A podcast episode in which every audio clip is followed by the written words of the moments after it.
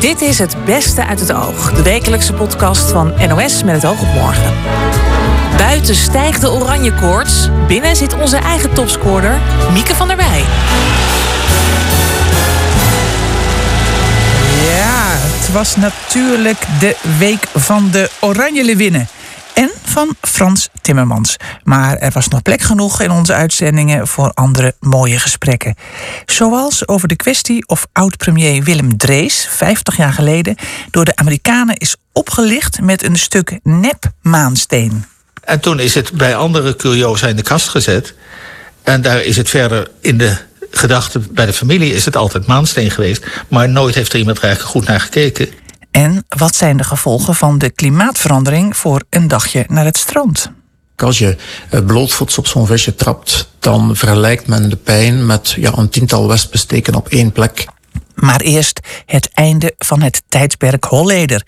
Deze week kreeg De Neus een levenslange gevangenisstraf opgelegd. Voor onder meer het opdracht geven voor vijf liquidaties. Een bijzondere zaak omdat het bewijs tegen Holleder voornamelijk bestond uit verklaringen van getuigen. Waaronder twee kroongetuigen. Over die rol van zulke kroongetuigen sprak Lucella met strafrechtexpert Sven Brinkhoff van de Open Universiteit. En hij, zij vroeg toen eerst of hij verrast was door het vonnis. Eigenlijk wel, want van tevoren uh, wist je natuurlijk wel dat deze zaak die dreef op getuigenverklaringen. En dan is het uiteindelijk aan de rechtbank die dat van tevoren niet laat blijken, maar die dan op een gegeven moment natuurlijk ofwel de lezing van de getuige gelooft, ofwel vindt dat Holleder ook zijn punten maakt. Vandaag hebben we heel duidelijk gezien dat de getuigen volledig zijn geloofd in alle soorten en maten. Bedreigde getuigen, zussen, kroongetuigen. Dus in die zin is het verrassend dat dat zo, zo overtuigend is neergezet door de rechtbank. Maar ja, het is wat, wat u zegt. Het is wel geloven of niet geloven. Nee, je kan er, iemand is geen niet middenweg. geloven. Nee, er is geen Nee. middenweg. En het- je ziet ook heel duidelijk van dat de rechtbank ook signaleert om bij opdrachtgevers van liquidaties uit te komen. Daar vind je inderdaad, zoals je ook al zegt, geen smoking gun. Dus je moet het doen met snippersbewijs die je her en der zo in zo'n dossier ziet. En de rechtbank ziet dat in dit dossier heel overtuigend. En, eh, En ja. is dat vaker gebeurd in Nederland? Dat een verdachte een vonnis krijgt op basis, nou, voor het grootste deel op basis van eh, getuigenissen van kroongetuigen? Ja, dat is niet- kroongetuige? De, op basis van kroongetuigen. Nee, eh, kroongetuigen, eh, dat die een rol in de bewijsvoering spreken. Dan, dan is dat één op één of twee handen te tellen dat we dat in Nederland hebben gehad. Dus dat is vrij eh, zeldzaam. Maar ehm, ja, er komen er ook wel meer aan de komende tijd. Dus het, gaat, eh, ja, het neemt wel toe. eh, En waarom komen er meer, meer aan?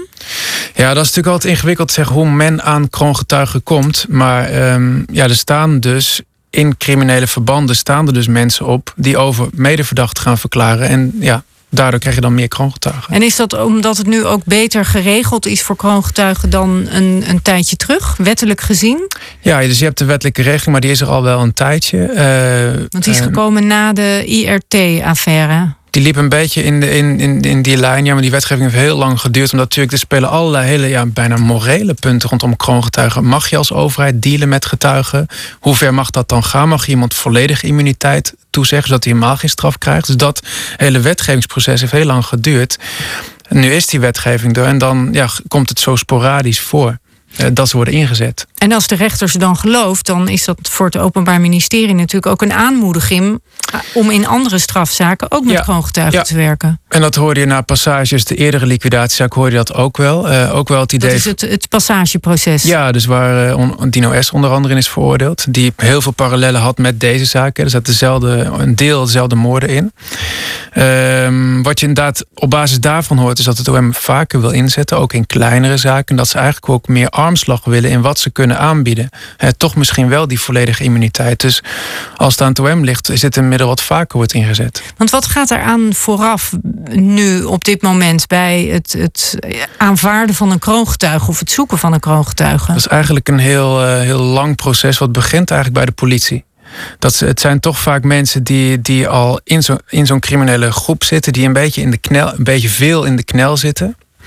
Die dan eigenlijk als enige uh, ja, uitvlucht nog dan zien, uh, misschien kroongetuigen worden. En in de knel betekent dan dat hun leven misschien in gevaar ja, is? op dat moment al. Of dat ze een beetje uit de gratie zijn gevallen. Of dat, uh, zoals Fred Ros, dat hij eigenlijk eigen voor zijn geld kiest na een eerste veroordeling. Dan denkt van ja, dan, dan ga ik dit traject maar bewandelen. Want hij was veroordeeld tot, tot 30, tot 30 en jaar. dus 15 in plaats van krijgen.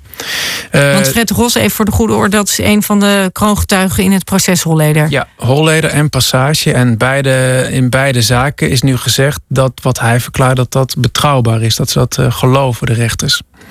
Nee, dus het begint dus heel erg met zo'n ja, proces eigenlijk bij de politie. Dat ze gaan kijken, nou, wie, hebben, wie, wie wil dit? En, en wat kan die ook bieden? Wat, wat voor informatie heeft hij?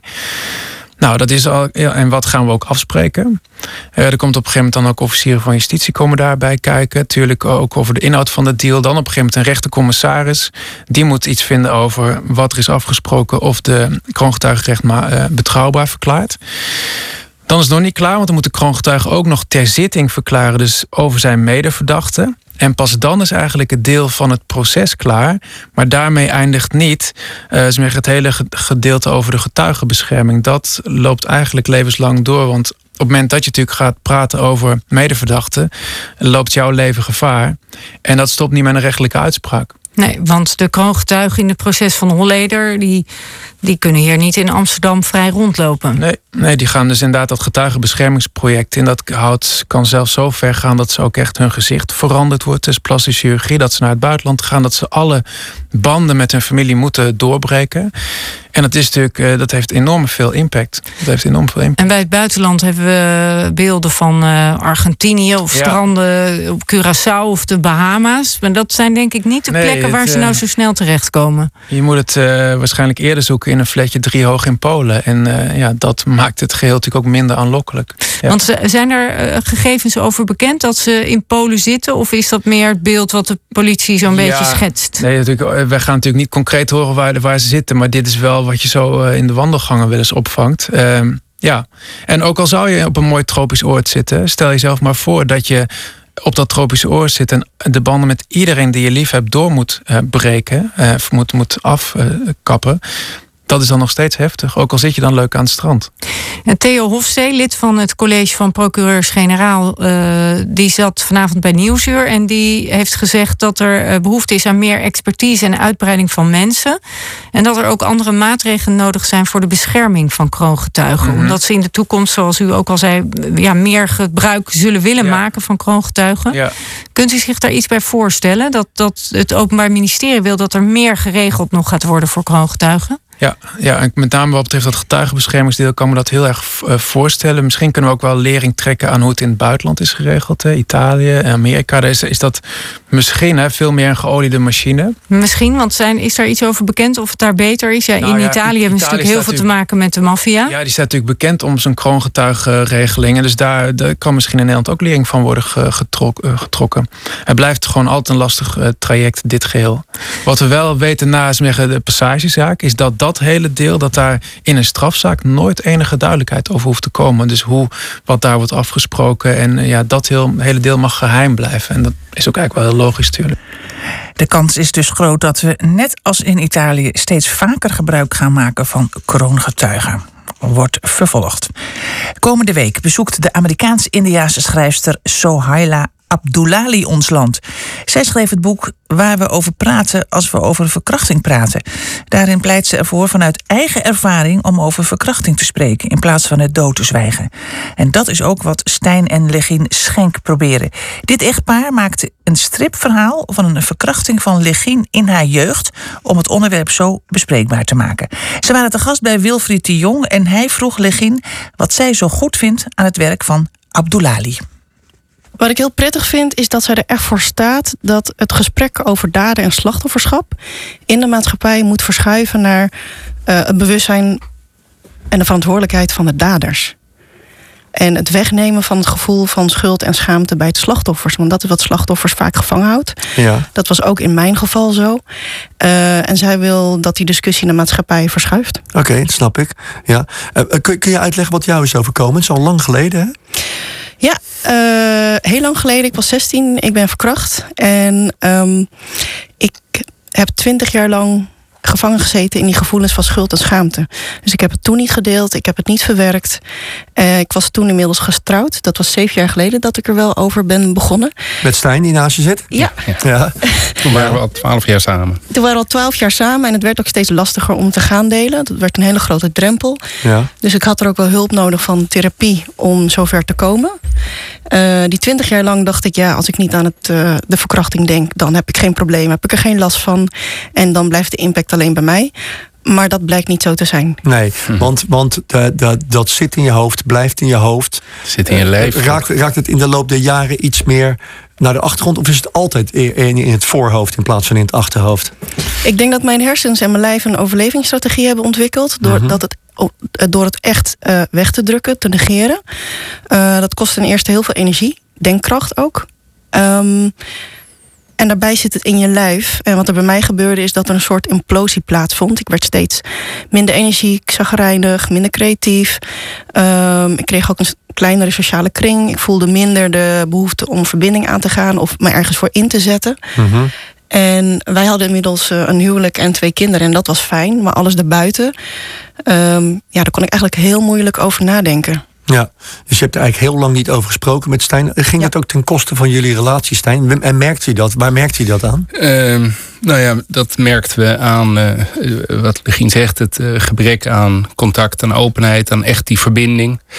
Uh, ik, ik vroeg heel erg om die verbinding. Deed het misschien niet altijd op de handige manier waardoor zij dat interpreteerde als dat ik meer seks wil hebben. En dan werd het seks een ding. En dan uh, probeerde je dat weer terug te trekken. En die zoektocht naar hoe hoe, waar is die echte verbinding? En, uh, dat, uh, dat heb ik nodig. Um, nou ja, dat, dat was wel problematisch. En uh, die, het, de jaren werd steeds erger. En het laatste anderhalf jaar was echt wel problematisch. Toen is in therapie gaan, vertelde niet waarvoor. Dat, dat accepteerde je. Ik dacht van, goed, ze moeten iets zelf uitzoeken. Ik, laat ik er even buiten blijven. Ja, mm -hmm. ja dat... Uh, Heel nobel. ja, het is wat het is. Ja. Um, en als zij er gelukkig van wordt, dan, uh, dan geef je die ruimte. En toen is het wel uiteindelijk zo geweest dat ik zei... nou, ik, ik zie het niet meer. Ik weet niet hoe ik uh, hier doorheen kan breken. maar ik blijf wel bij je. Maar dat betekent dat uh, ik gewoon een aantal jaar ongelukkig zal zijn. Maar, uh, ja, een soort gemankeerd bestaan zou hebben ja, met elkaar. En op een of andere manier eh, is dat een gesprek geweest dat Legien zei... ik denk dat ik je iets moet vertellen. Ik weet niet of het ermee te maken heeft. Maar er is iets gebeurd. Ik kan niet helemaal vertellen wat het is. Zeg maar wel in feite. Ja. Maar wat het betekende, dat, dat was eigenlijk heel onduidelijk. Dus ze vertelde en zei ze, ik weet niet wat er gebeurd is. En vertel, zei ik, ja maar je vertelt net wat er gebeurd is. Maar ja. ze heeft het echt nooit, nooit meer over nagedacht. En Mhm. mm -hmm. daarin is het ook niet iets dat ze echt voor mij ver, uh, verzweeg of dat in een voorhoofd zat. Maar dat ze eigenlijk voor zichzelf verzweeg. En ja. waar we samen pas achter zijn gegaan. En ik heb eindeloos veel gevraagd en ze heeft eindeloos veel gepraat. En dan verandert ook uh, uh, niet de feiten, maar wel wat het, wat ja. het is geweest. Maar Legien, was je, was je na die therapie wel in staat om op een gegeven moment wel alles te vertellen in één keer? Of gaat dat stukje bij beetje? Uh, dat gaat wel steeds makkelijker. Ja. Uh, en het helpt als je een steunende omgeving hebt. Mijn partner is heel steunend. Uh, ik besef ook dat niet iedereen dat heeft. Maar ik denk wel dat iedereen gebaat is om erover te praten. Ja. Jij zei overigens net van, ik ben in mijn, in, op mijn zestiende verkracht. Daar, daar, daar zet je na een punt achter die zin. Wat een prima punt is. Ja. Maar, zeggen. Maar, maar je zegt er bewust weinig over, omdat die zaak nog loopt. Hè? Je hebt hem als het ware opgerakeld voor jezelf, hè? ook juridisch ja. gezien. Ja. Kun je daar iets over zeggen, wat, het, wat er aan de hand is? Um, nee, eigenlijk niet.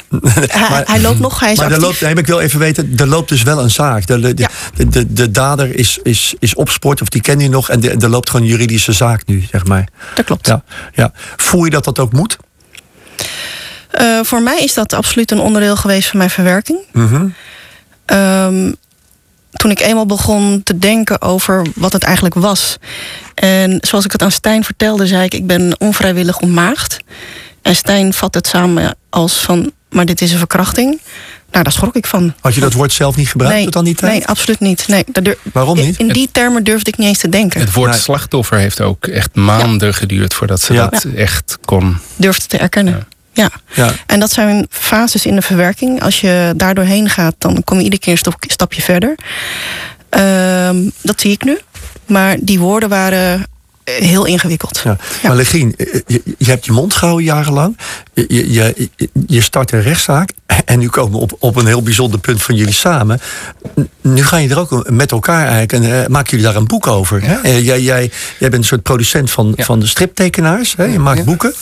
En jij dacht van, ik kan hier ook een boek van maken. Ja, dat is wel. eh, Maar die Legien heeft natuurlijk gelijk naar, de hoofd gewezen. Dan ben je nou helemaal gek. Nee, nee. En Legien die was eh, heel enthousiast. Heel, heel enthousiast. Ja. Eh, nee, dat was zeven jaar geleden. Toen was ik, eh, ik. Ik deed van alles. Toen zag ik, we moeten. Zoveel dingen worden niet over gepraat. En er is heel veel tekentalent die heel mooi, heel integer verhalen kan vertellen die je voelt, waarin je kan duiden. Dus ik was daarmee bezig. Toen vertelde Legien dit.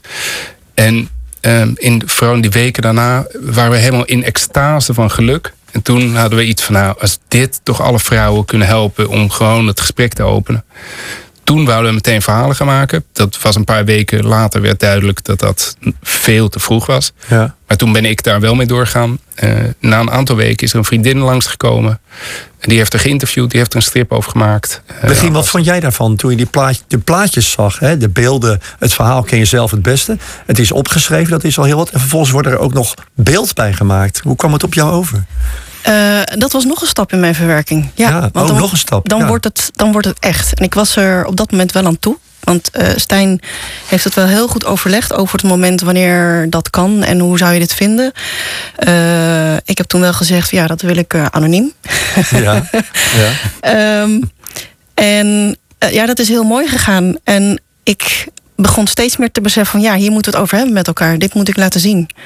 En dan maakt het eigenlijk niet uit over wie het gaat, want het is eigenlijk een vrij eh, universeel verhaal qua impact. Hoe de slachtoffers zich voelen, ehm, welke impact het op iemands leven heeft en hoe lang het voor iemand kan duren om erover te doen, om erover te gaan praten. Is het al eerder gedaan in de wereld? Strips maken je over dit onderwerp? Er, zitten, er zijn een aantal mooie boeken, maar eh, eigenlijk in de stripwereld heb je in dit genre graphic novels. Wat prachtige Ja, dikke precies. boeken zijn. Maar eh, waar ik, wat ik niet echt zag is eh, twee tot acht pagina's Nee. graphic stories. Best en, dat, gecomprimeerd eigenlijk. Ja. Hè? Dat is een hele mooie vorm. en dan dus nauw samenwerken met organisaties dat het wel klopt. Want Ja. je kan natuurlijk ook schade berokkenen anders.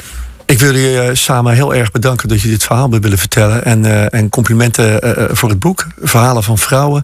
En eh, we, gaan het, we gaan kijken of het goed verkocht wordt en of het helpt vooral. Ja. dat is misschien nog het belangrijkste. Stripwinkel Lambiek zou ik het bestellen. Heel goed. Dank jullie wel. Stijn en Legien Schenk. Nou, een belangrijk boek lijkt me. Hopelijk helpt het vrouwen die dit hebben meegemaakt om er ook over te kunnen praten. En dan gaan we naar het strand, want daar is onderzoek gedaan naar de zichtbare gevolgen van klimaatverandering. Welke vissen zien we bijvoorbeeld minder of juist meer? Onderzoeker Jan Seys van het Vlaams Instituut voor de Zee vertelt erover bij Koen Verbraak.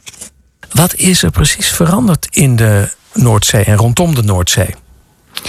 Wel, we zijn eigenlijk een vijftal jaar geleden gestart hier aan de Belgische kust met burgers op te gaan leiden en van materiaal te voorzien om samen met ons eigenlijk de toestand van die Noordzee te gaan opmeten. Dat doen ze door op regelmatige tijdstippen op een vast stuk strand eh, een aantal zaken te gaan opmeten, zoals de zeewatertemperatuur, eh, het aantal aangespoelde kwallen, maar bijvoorbeeld ook het aantal vissen, de soorten vissen, krabben en garnalen die in een kruinet zitten. Eh, en door al die gegevens te bekijken de laatste vier jaar, kun je natuurlijk bepaalde zaken zien die gaan evolueren. Ja. En wat is er veranderd? Wel, wat meer is, dat moet ik er eerst aan toevoegen, is dat uh, we ook het geluk hebben dat we, wat dat kruien betreft, een vergelijking hebben kunnen maken met een staalname die 20 jaar geleden gebeurd is, ook uh-huh. aan alle Belgische stranden, uh, met net dezelfde techniek. En daaruit blijkt dat op die 20 jaar, bijvoorbeeld de Noordzeeharnaal, met uh, een factor 5 in aantal is afgenomen. Dus duidelijk is minder talrijk geworden in de branding. Terwijl omgekeerd een warmwatersoort, een grijze garnaal is een koudwatersoort, maar een warmwatersoort zoals de kleine pieterman, een giftig visje, met een factor 5 juist is toegenomen. Dus alles wijst daar toch in de richting van een opwarmend effect. De kleine pieterman, hoe, hoe herken je zo'n pieterman? Het is eigenlijk een heel opvallend visje. Eerst zo mooi goudkleurig uh, getekend met een zwarte staart. Uh, zijn mondje staat ook zo naar boven gericht. De oogjes ook, dat is niet toevallig. Men noemt hem soms ook wel de hemelstaarder. Ah, ja. Eh, de reden is dat hij eigenlijk overdag ingegraven ligt in het zand. Net met die oogjes en dat mondje nog boven het zand uitstekend. Maar wat men dan natuurlijk niet ziet, zijn die gifstekels die op de rug staan. En dat is net uh, het venijn zit hem in die stekels, letterlijk en figuurlijk. Ja, maar het is een venijnig beestje, hè? Absoluut, absoluut. Eh, het is eigenlijk zo wat het giftigste organisme wat je in de Noordzee kunt tegenkomen. Een stuk eh, lastiger en vervelender dan een kwal. Niet dodelijk, maar toch vrij pijnlijk. Als je blootvoets op zo'n visje trapt, dan vergelijkt men de pijn met ja, een tiental wespensteken op één plek. Dus alles behalve een lachertje. Want u zegt dus dat visje komt het strand op en graaft zich in. Die gaat zelf op een handdoekje liggen. Net niet eigenlijk. Het blijft natuurlijk wel onder water, maar kan zeer ondiep voorkomen. Dus echt werkelijk in het, uh, ja, het, het brandingswater, uh, nauwelijks enkele tientallen centimeter diep, dus waar mensen vaak blootvoets gaan uh, rondwandelen. En dan, je ziet het visje uiteraard niet. Het water is ook volledig troebel. Het zit ook ingegraven, dus je kunt het zelf niet zien. -huh. Maar je voelt het dan wel als je erop trapt, want dan ja. voel je wel die steek. Waarom doet die Pieterman het nu zo goed? Wel, de vermoedensreind is eigenlijk een soort die ook in de Middellandse Zee voorkomt en langs de Atlantische kusten. En eigenlijk zo wat meer aan de noordkant van zijn verspreidingsgebied zit hier in de Noordzee. Dus wordt het warmer in de Noordzee, wat het geval is. De Noordzee is op de laatste 50 jaar met ongeveer 1,7 graden opgewarmd. Dat is behoorlijk wat. Dat is trouwens twee keer zo snel als een gemiddelde wereldzee. -hmm. Dan uh, is het vrij logisch dat die warmwatersoort het nu wel leuk en warm genoeg vindt in de Noordzee. Terwijl dat vroeger toch eerder een soort marginaal biotoop was voor de vis. En vroeger, dan hebt u het over hoeveel jaar geleden? 20, 30 jaar geleden. Dus die toename zien we eigenlijk ook aan de Nederlandse kust en aan de Belgische kust sinds eind jaren 80. Ja, is, is dat zorgwekkend? Wel, het is natuurlijk niet leuk eh, om uh, geconfronteerd te worden met veel kleine pietermannen. Uh, anderzijds, het is een soort doorschuifoperatie. Je verliest eigenlijk geleidelijk aan een aantal koudwatersoorten in de Noordzee. Ik denk aan kabeljauw, mogelijk ook de grijze haarnauw. Je krijgt er andere dingen voor in de plaats. Hoeven niet altijd vervelende dieren te zijn. Ik denk bijvoorbeeld aan bepaalde inktvissen die zullen toenemen. Ik denk aan bepaalde andere vissen, zeepaars om er maar één te noemen, schurftvis. Er zijn zo nog een aantal soorten. Dus je krijgt wel een soort doorschuifoperatie. Alleen de snelheid van verandering kan wel een probleem zijn, want uh, wij mensen moeten ons natuurlijk ook aanpassen aan die zaken. En de natuur zelf moet zich ook aanpassen. En hoe sneller dat moet, hoe moeilijker het ook wordt voor die dieren om eigenlijk die aanpassing te doorstaan. Maar krijgen we eigenlijk ook een steeds tropischer zee? Wel, uiteindelijk wel. Als we het helemaal de pan laten uitswingen, dan gaan we inderdaad richting wateren die, die je eigenlijk nog nauwelijks gematigd kunt noemen. Uh, en ik hou mijn hart vast ook voor bepaalde kwalachtigen die nu nog, uh, ja, die komen niet verder voor dan de Golf van Biscayen, zeg maar, West-Frankrijk. Uh, zoals het Portugees oorlogsschip. dat is wel degelijk de naam van een kwalachtige. Maar die is nog veel heftiger dan die kleine Pieterman. En daar, die zie je liever niet verschijnen in de Noordzee. Dus absoluut nog niet het geval. Dat zal ook niet in de volgende jaren zijn. Maar als we het natuurlijk helemaal ja, laten foutlopen, dan is dat ook een van die soorten die tot uh, bij ons zou kunnen komen. Ja, want, want hoe ziet het strand er over 50 jaar uit? Beleven we dan de, de zomer van de witte haai? kon ik het maar zeggen. Uh, haaien hebben natuurlijk andere problemen. Er is nog altijd een zware bevissing op die haaien. Dus zelf bij andere temperaturen is de kans dat je witte haaien plots in de Noordzee zult zien nog altijd zeer klein. Want het is duidelijk, uh, het ja. is een evolutie in alle Europese zeeën. We hebben nooit een studie gemaakt over alle Europese zeeën, wat daar aan het veranderen is. En je ziet het overal, bijvoorbeeld in de Middellandse Zee. Zie je ook dat bepaalde tropische vissen daar via het Suezkanaal terechtkomen. Uh, ik denk onder andere aan een, de schorpioen vis eigenlijk. Uh, uh, de koraalduivel is eigenlijk de juiste naam. Een heel mooie vis, maar zeer, zeer heftig. Want ja. die is nu massaal aan het oprukken in die Middellandse Zee. dus we gaan nog spannende jaren tegemoet in elk geval. Het is in elk geval redelijk fundamenteel veranderd met 30 jaar terug en het zal blijven veranderen. Ja, koraalduivels, Portugese oorlogsschepen, wat staat ons allemaal te wachten? Uh, nou ja, goed uitkijken in ieder geval dus voor die pietermannetjes. En misschien maar van die schoentjes kopen als we de zee ingaan. Nou, uh, verwarring was er ook in het oog deze week. Tijdens een gesprek over maanstenen kwam te sprake dat oud-premier Drees ooit in 1969 een maansteen zou hebben gekregen van de toenmalige Amerikaanse ambassadeur. Een paar jaar geleden bleek al dat het helemaal geen echte maansteen was. Waren wij belazerd door de Amerikanen? Waarschijnlijk niet, mailde de kleinzoon van Drees ons na het horen van het gesprek. En dus vroeg Simone een dag later aan hem: Is het stuk steen toen wel aan Drees gepresenteerd als maansteen? Ik denk van niet. Uh, het was 9 oktober 1969. Er was in de RAI een grote bijeenkomst met de drie astronauten van de Apollo 11, uh, Armstrong en de andere twee.